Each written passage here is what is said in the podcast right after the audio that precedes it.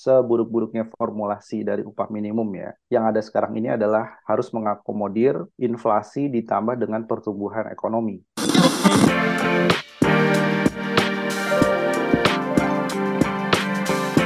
Hai sahabat TCID, kalian sedang mendengarkan podcast Suara Akademia. Ngobrol seru isu terkini bareng akademisi. UMP 2024 sudah diumumkan di Sobat ID. Ada kenaikan, cuman buat beberapa daerah tidak signifikan gitu. Kalau ngelihat di postingan sosial media, uh, Jakarta cuma naik sekitar uh, 3 persenan, yang lumayan menggembirakan, meskipun tetap bikin miris dalam tanda petik adalah UMP DIY, selalu itu jadi bahan uh, obrolan gitu. Naiknya 7 persen, dan sudah melebihi uh, nilai UMP dari Provinsi Jawa Tengah dan juga uh, Jawa Timur, correct me if I'm wrong. Tapi di tengah uh, pengumuman UMP untuk tahun 2024 diskusi yang di luar sana beredar gitu yang terjadi lumayan rame gitu. Karena dianggap ini bisa um, satu membuat daya beli tetap segini-segini aja. Karena dirasa tahun 2023 especially uh, di akhir tahun ini daya beli turun. Terus juga kita melihat aksi protes buruh dari demo yang meminta kenaikan sebenarnya mungkin di angka 10 sampai 15 persen tidak terjawab dan sampai akhirnya ada demonstrasi di mana-mana dan ya masyarakat juga merasa kayaknya kok makin ke sini semuanya makin mahal gitu. Apakah kenaikan UMP 2024 ini sudah ideal untuk pekerja dan uh, pengusaha kalau secara hitung-hitungan gitu ya atau hanya menguntungkan pengusaha saja? We cannot talk about it di Suara Akademia kita bakal ngobrol bareng sama Mas Bima Yudhistira dari Selios. Halo Mas Bima, apa kabar Mas? Halo, kabar baik Mas. Mas Oke. Okay. Ya. Mas Bima, um, ini kenaikan UMP tahun ini kan agak sedikit berbeda gitu ya dibandingkan yang tahun lalu gitu. Kalau tahun lalu itu diumumkan bahwa kenaikan maksimal adalah 10%. Tahun ini tidak ada pengumuman itu, cuman rate-nya beda-beda nih um, tiap-tiap provinsi gitu. Kita bisa membandingkan um, perbandingan antara DKI Jakarta, Banten, Jawa Barat, Jawa Tengah, DIY, Jawa Timur. Dan kalau misalnya uh, ngelihat gitu, ada yang menganggap ini kenaikannya cukup bagus, ada yang bilang kurang gitu. Nah, kenaikan ini tuh ada dampaknya nggak ya dari rumus penghitungan UMP yang baru dari Ciptaker kemarin gitu Mas Dima? Jadi memang formulasinya hampir tidak berubah. Kalau tahun lalu tidak ada pengumuman maksimum ya. Tahun lalu ada pengumuman maksimum 10%, hmm. tapi tahun depan ini tidak ada pengumuman batas maksimum upah minimum. Yang dikunci dari formulasi Undang-Undang Cipta Kerja itu adalah formula alfanya. Hmm. Nah, di sinilah yang jadi bahan perdebatan. Kenapa? Karena kalau membandingkan upah dengan formula PP 78 2015, di situ kan pertumbuhan ekonomi ditambah dengan inflasi. Nah, di Undang-Undang Cipta Kerja itu aneh rumusannya. Pertumbuhan ekonomi atau bukan dan inflasi tapi atau inflasi dikalikan dengan alfa. Alfanya dikunci dibatasi, maksimumnya ada di situ. Sekitar 0,03 persen ya. Jadi ada ada pembatasan alfanya. Nah, alfa inilah yang mengunci sebenarnya tanpa disebutkan upah tidak boleh naik maksimum misalnya sekian persen, tapi sebenarnya ada pembatasan maksimumnya di dalam formulasi Undang-Undang Cipta Kerja. Nah, inilah yang menghambat kenapa upah rata-rata dari 33 provinsi itu itu hanya naiknya rata-rata 3,8 persen jadi kalau 3,8 persen digilas inflasi saja udah habis tuh daya belinya. Belum PPh 21 pajak karyawannya kan gitu ya, kalau yang di sektor formal. Jadi artinya tahun depan secara real buruh itu tidak mengalami kenaikan upah. Okay. Karena apa? Yang naik upah nominal, tapi ketika dikurangi inflasi di beberapa daerah itu justru upah realnya minus hmm. kenaikannya, hmm. pertumbuhannya. Nah, ini mengindikasikan bahwa ada cara-cara ya yang dilakukan oleh pemerintah, masukan dari pengusaha juga yang memang suka upahnya murah, itu untuk membatasi agar kenaikan upah minimumnya tidak terlalu tinggi. Nah, masalahnya kan ada mitos nih. Mitosnya ini harus dipatahkan satu persatu. Mitos yang pertama, kalau upah minimumnya naik, maka inflasinya juga akan meningkat. Betul. Nah, ini kan juga membingungkan karena inflasi yang terjadi di Indonesia hari ini adalah inflasi yang disebabkan oleh sisi pasokan, Ya. bukan dari sisi permintaan. Hmm. Jadi melihat harga beras naik, harga cabai naik, itu masalahnya di biaya produksi, bukan karena yang beli bertambah.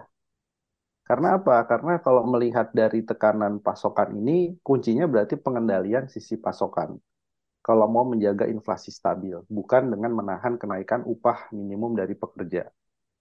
Nah, justru kalau inflasi pasokannya terus naik, harga-harga kebutuhan pokoknya semakin mahal, yang harus dijaga dengan upah minimum ini kan daya beli dari pekerjanya, biar tidak tergerus oleh inflasi.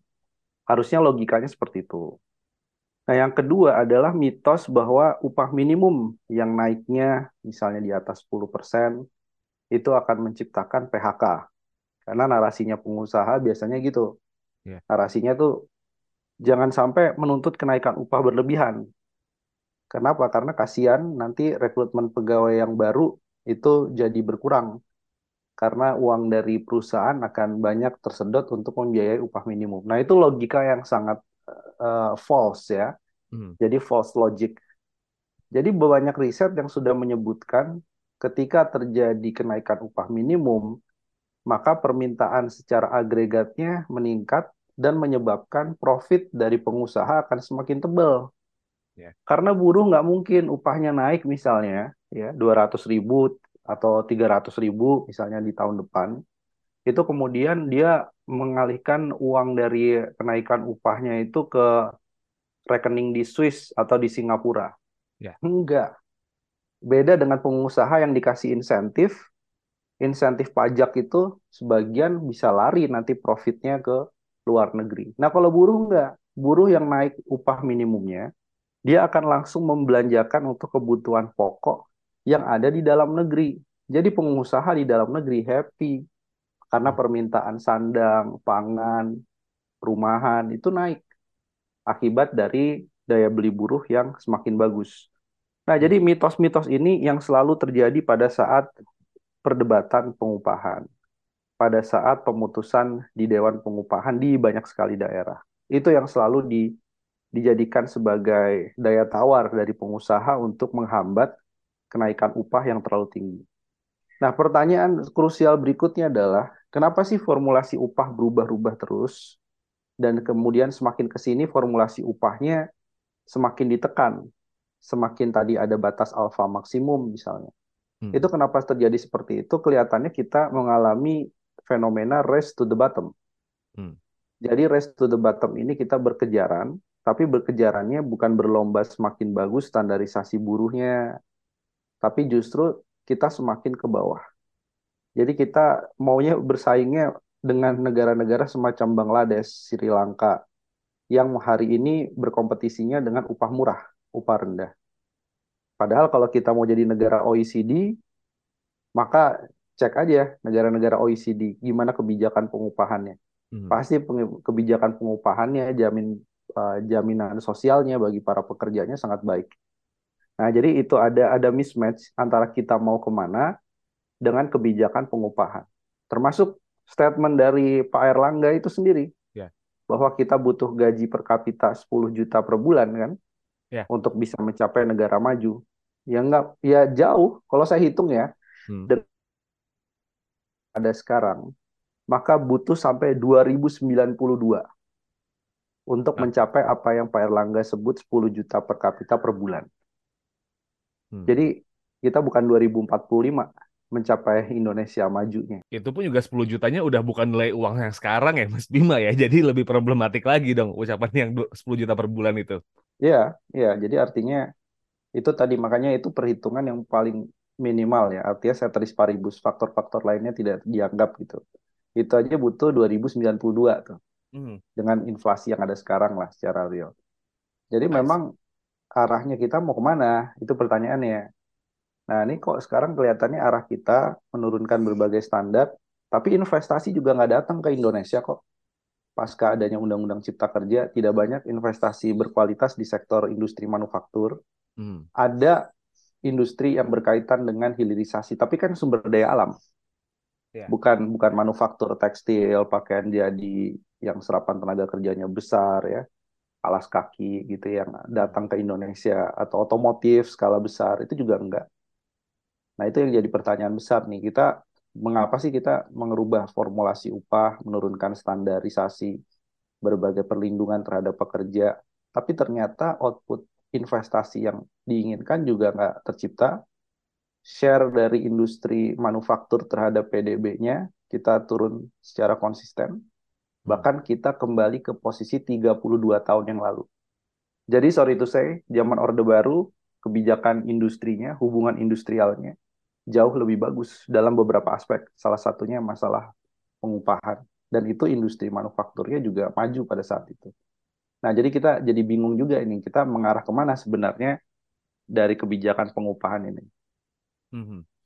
Nah, ini jadi menarik juga nih Mas Bima dengan mitos yang tadi Mas Bima sampaikan uh, dan juga uh, ngelihat statement setelah pengumuman UMP itu kita ngelihat kayak Apindo mengatakan bahwa ini bagus untuk pengusaha-pengusaha meskipun dengan catatan-catatan beberapa pengusaha juga ketika dipertanyakan uh, ditanyai soal UMP ini mereka merasa pengusaha agak lega gitu Mas. So basically kenaikan UMP ini justru malah kayak apa ya?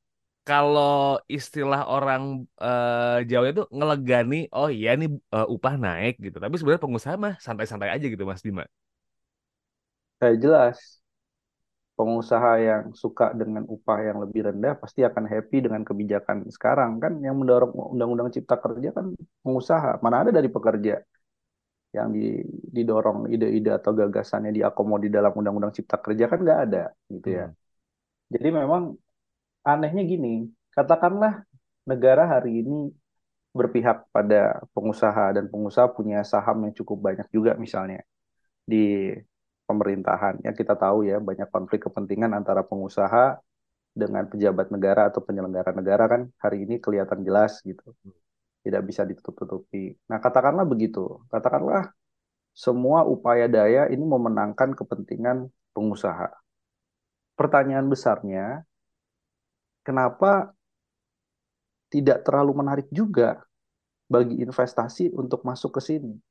Hmm. Jadi kalau ditanya, wah ada investasi masuk, investasi masuknya itu sebagian adalah investasi yang berkaitan dengan proyek infrastruktur. Ya. Dan proyek infrastruktur tidak ada kaitannya dengan masalah pengupahan. Itu satu. Yang kedua, justru yang sensitif terkait dengan upah yang pengusaha bilang itu melegakan, itu kan di sektor yang sifatnya padat karya, industri padat karya, sektor formal padat karya. Itu banyak kehilangan kompetisi dari Vietnam, kompetisi dari Thailand, kompetisi dari Malaysia. Jadi kita juga jadi mempertanyakan sebenarnya dengan karpet merah yang diberikan termasuk dengan pengupahan itu ternyata tidak banyak membantu fundamental ekonomi kita dalam berdaya saing. Nah, hmm ini akhirnya buat apa kemudian upahnya di surprise atau upahnya di, ditekan gitu ya di repress tapi di sisi yang lain tidak terjadi peningkatan daya saing secara signifikan di sektor yang harusnya terbantu dengan upah yang lebih rendah. Nah, logik itu yang akhirnya uh, dimakan gitu ya oleh realita atau fakta di lapangan. Nah, yang terjadi adalah bukan sektor formal kita membesar, tetapi sektor informal kita yang semakin membesar pekerjaannya. Yang menarik apa? Yang menarik adalah mereka yang bekerja dengan upah minimum hari ini karena tidak cukup juga untuk eh, memenuhi kebutuhan hidup yang layak. Akhirnya pasangan suami dan istrinya itu bekerja bergantian jaga warung. Ya. Inilah salah satu pemicu informalitas di pekerja kita juga meningkat karena hmm. nggak cukup. Jadi sudah bekerja suaminya di sektor formal di pabrik garment, itu istrinya tetap harus buka warung. Yeah. Suaminya habis dari bekerja jadi ojek online. Mm -hmm. Nah ini fenomena yang diciptakan karena salah diagnosa. Bukan itu, jadi bukan upah yang ditekan, tapi justru yang harus diperbaiki adalah kesejahteraan pekerjanya, yang harus diperbaiki perlindungan pekerjanya, daya saing itu ada di inovasi, daya saing itu ada di belanja riset, daya saing itu ada pada penurunan biaya logistik, daya saing ada pemberantasan korupsi, daya saing itu ada dalam penurunan ICOR, Incremental Capital Output Ratio. Yang hari ini nilai ICOR kita 7,6. Di awal Presiden Jokowi baru sekitar 6. Mhm. Semakin tinggi nilai ICOR artinya semakin tidak efisien investasi hari ini. Dan itu Mhm. yang disalahkan selalu pekerja, bukan. Kan udah ditekan pekerjaannya. ICOR-nya makin naik. Jadi ada eh, apa ya namanya ya? Ada demonisasi. Jadi bukunya eh, Owen Jones itu sangat bagus. Judulnya adalah demonisasi pekerja. Mhm. Jadi ada ada strategi memang untuk mendemonisasi gitu ya. Demonisasi ini artinya pekerja produktivitasnya rendah, pekerja Indonesia males-malesan, skillnya tidak memadai, pekerja di Indonesia nuntut upah terus, misalnya gitu ya, demo terus.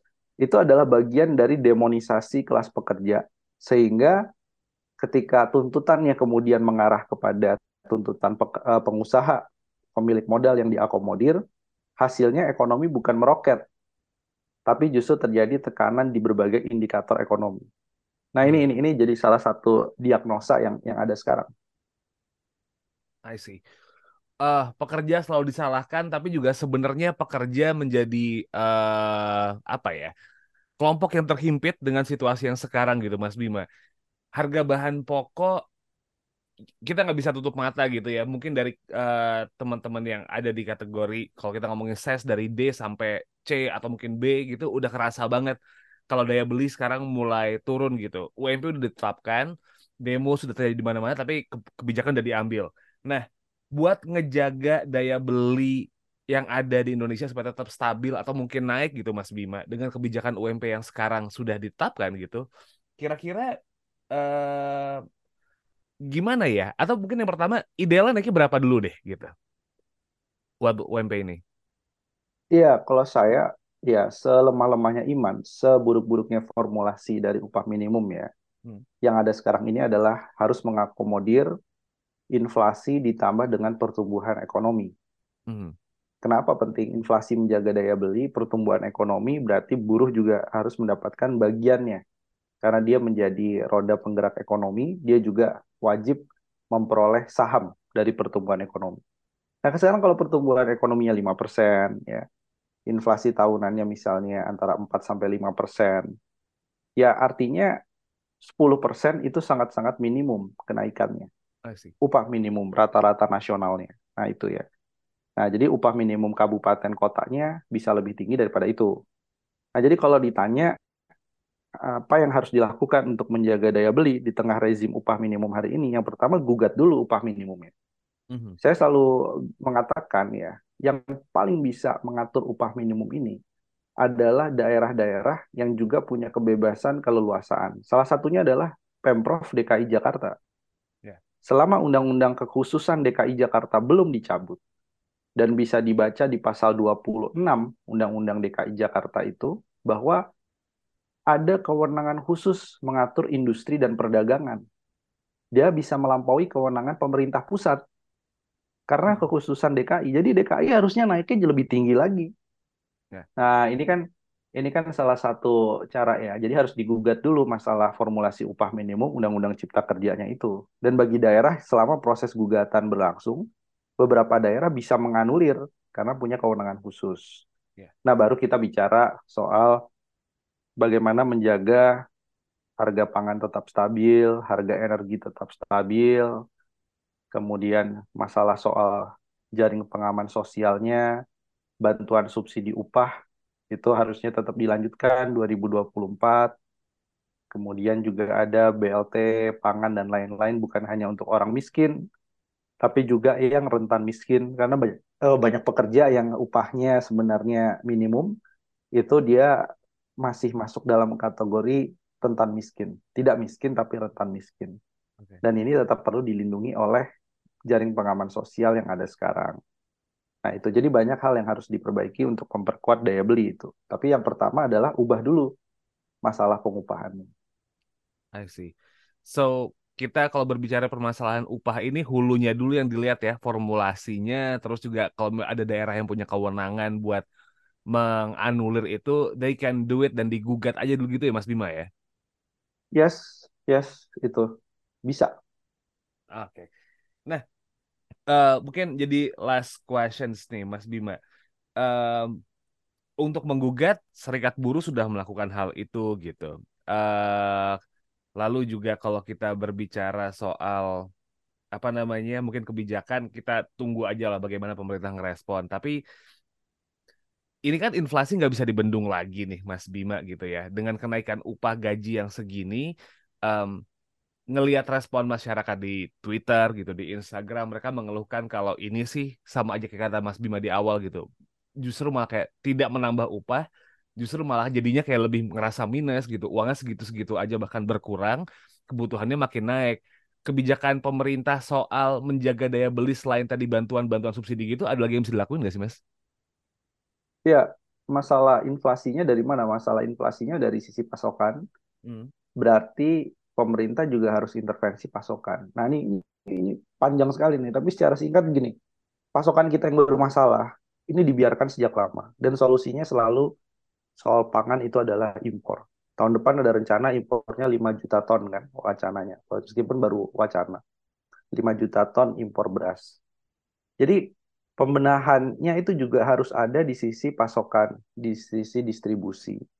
Jangan terlalu bergantung pada impor. Karena impor beras pun hari ini, broken rice-nya Thailand 25%, Vietnam juga, itu harga beras di internasional naik terus, konsisten. Hmm. Biaya pupuknya juga fluktuatif, tapi ada kecenderungan mengalami kenaikan. Jadi artinya biaya produksinya harus ditekan dulu, baru kemudian distribusinya diatur, tata niaganya dipangkas biar lebih singkat, dan bagaimana mencegah El Nino, mencegah mitigasi fenomena perubahan iklim misalnya ke pangan. Nah ini kan juga butuh riset-riset pertanian dan segala macam. Jadi akar masalahnya itu adalah inflasi sisi pasokan mm-hmm. yang kemudian tidak dikendalikan dengan baik. TPID-nya harusnya berjalan dengan baik, ini tidak berjalan dengan baik banyak pemerintah daerah juga masih malas-malasan untuk mengatur stabilitas pangan. Nah, kalau inflasinya bisa diatur, bisa dikendalikan, maka daya beli pekerja pun juga bisa lebih bagus.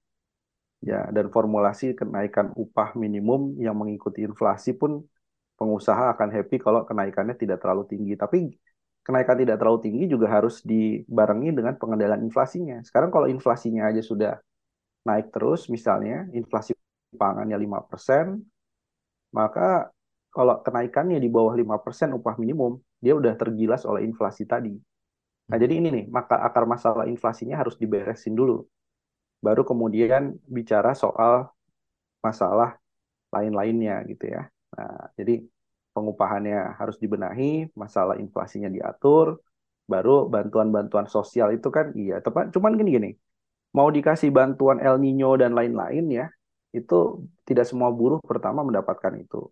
Buruh yang upah minimum, buruh yang baru bekerja di bawah satu tahun belum tentu dapat itu. Kedua, kita hitung secara total pun kalah kita. Yeah. Jaring pengaman sosial terhadap PDB dibandingkan Timor Leste aja kita kalah. Kita sangat kecil sekali ya, hanya kisaran 2% terhadap PDB. Nah, itu kan jadi salah satu catatan gimana kita bisa mewujudkan negara yang lebih baik untuk melindungi para pekerja. Kalau UMP-nya ditekan, sementara jaring pengaman sosialnya pun relatif terkecil bahkan di Asia Tenggara kalau dikomparisikan dengan PDB. Gitu. I see. So, kalau kita kaitkan dengan proses pemilu yang per tanggal 28 November ini udah mulai masa kampanye, it's gonna be a big, big homework dong ya buat nanti capres yang menang, Mas Bima ya. Karena sektor uh, orang yang masuk jadi sektor peker, uh, karyawan ini lumayan gede banget nih nasib hajat hidup orang banyak ini Mas Bima ya. Iya, tiap tahun ada 3 juta angkatan kerja, ya kan?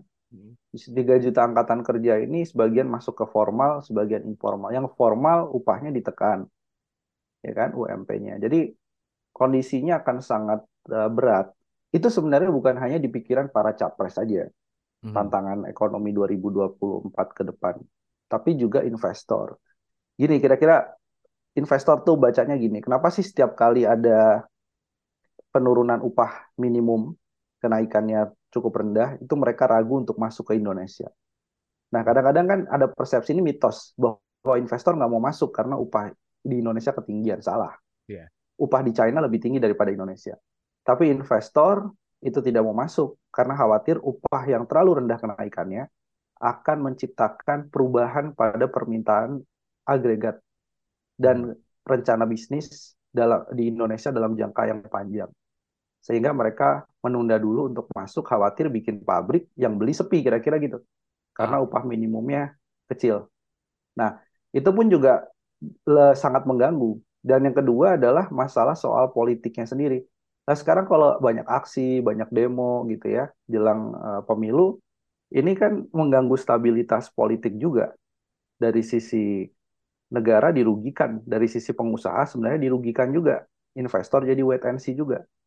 Nah, jadi ini pun juga jadi hal yang harusnya diperhatikan. Kalau mau ngejar stabilitas politik, naikkan aja upahnya. Happy kok pekerja sebagai voters yang paling banyak juga kan gitu di Indonesia, salah satunya. Oke. Okay.